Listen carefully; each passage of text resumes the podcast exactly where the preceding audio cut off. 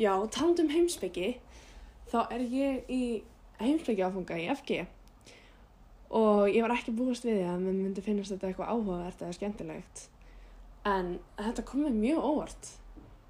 Núna hugsa ég stöðugt um og þetta fara að hafa áhrif á það sem ég hugsa og segi. Sem er náttúrulega ógeðslega skrítið að því það þarf mikið til að ég sé að breyta hugsanáttum mínum. Og hann talar sem sagt um gaggrinnar hugsun og Menón og Sókrates um það sem hann segir, kennar minn sem sagt. En þú veist örgulega hver Sókrates er. Þú hlýtur að vita hver Sókrates, hver Sókrates er. Hann sem sagt talar um lögmálið um gaggrinnar hugsun.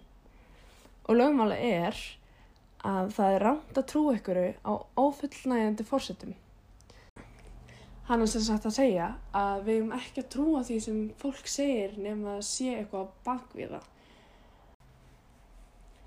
Hann sem sagt talar um Clifford sem er heimspengingur og Clifford segir ef rauksemt fyrir skoðun er sönnugild þá er skoðunin rétt. Og það er að láta mig pæla mjög mikið í þegar fólk er að segja mér eitthvað að sögu eða segja mér eitthvað staðrindir þá er ég farin að segja býtu, hvar fannstu þetta? bara, las þetta eitthvað um vísendafega eitthvað. Og þá er ég mjög erfitt með að trúa því. Þegar eitthvað segir já, ég heyrði þetta bara eitthvað starf þá er mjög erfitt með að trúa því af því það er engin rauksend á bakveða, það er engar forsendur. Sem er smá leðilegt að því núna get ég ekki trúað öllu sem fólk segir. Nú þarf ég alltaf að vera eitthvað að hugsa hvort það sé rétt eða rann annað sem að ég lærði í heimsbyggi er mótsögn Menons.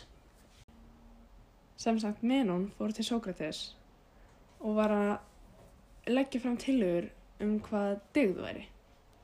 Sem sagt skilgrinninguna á digð og þau raukraða á milli og, og hérna meðan hún kemur alltaf með bara dæmi um hvað dygð getur verið en ekki í rauninni hvað skilgreiningin á dygð er. Og Sókrates svar alltaf fyrir sér og segir að þetta sé bara dæmi um það. Af því þessi hugsanaháttur er búin að festast í heilanum mínum. Eftir að búin að raukraða því smá þá gæst minnan upp af því allir sem að hann hafa farið til til þess að tala um dig hafa sagt að hann sé vitur og þetta sé rétt hjá honum og okkur svoleiðis. Og meðan hann sem sagt segir hvernig maður getur leitað af einhverju sem maður veit ekki hvað er og þótt að maður leita af einhverju og maður finnur það þá myndur maður ekki vita hvort að maður fann það og það er ekki hægt að vita að það sem maður fann er það sem maður er að leita í raun og veru að, að maður veit ekki hvað maður er að leita.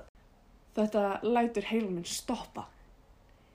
Ég hugsa um þetta nánast á hverjum degi og ég er ekki svona smá að grínast. En ef maður pælir í því, stef að verða að leita kannski ykkur um hlut, og veist ekkert hvernig hann lítur út, veist ekkert hvað hann gerir, eða hvaða, hvaða er, þá veit maður ekkert hvort maður sé búin að finna hann af því maður veit ekki hvað hluturinn er. Og allir sem ég er búin að segja þetta við segja já maður veit þegar maður er búin að finna það. En ef maður pælir í því þá veit maður ekkert að þetta sé hluturinn sem maður leita en þetta er búin að vera með mér núna alla daga. Og ég hugsa stöðugt um þetta.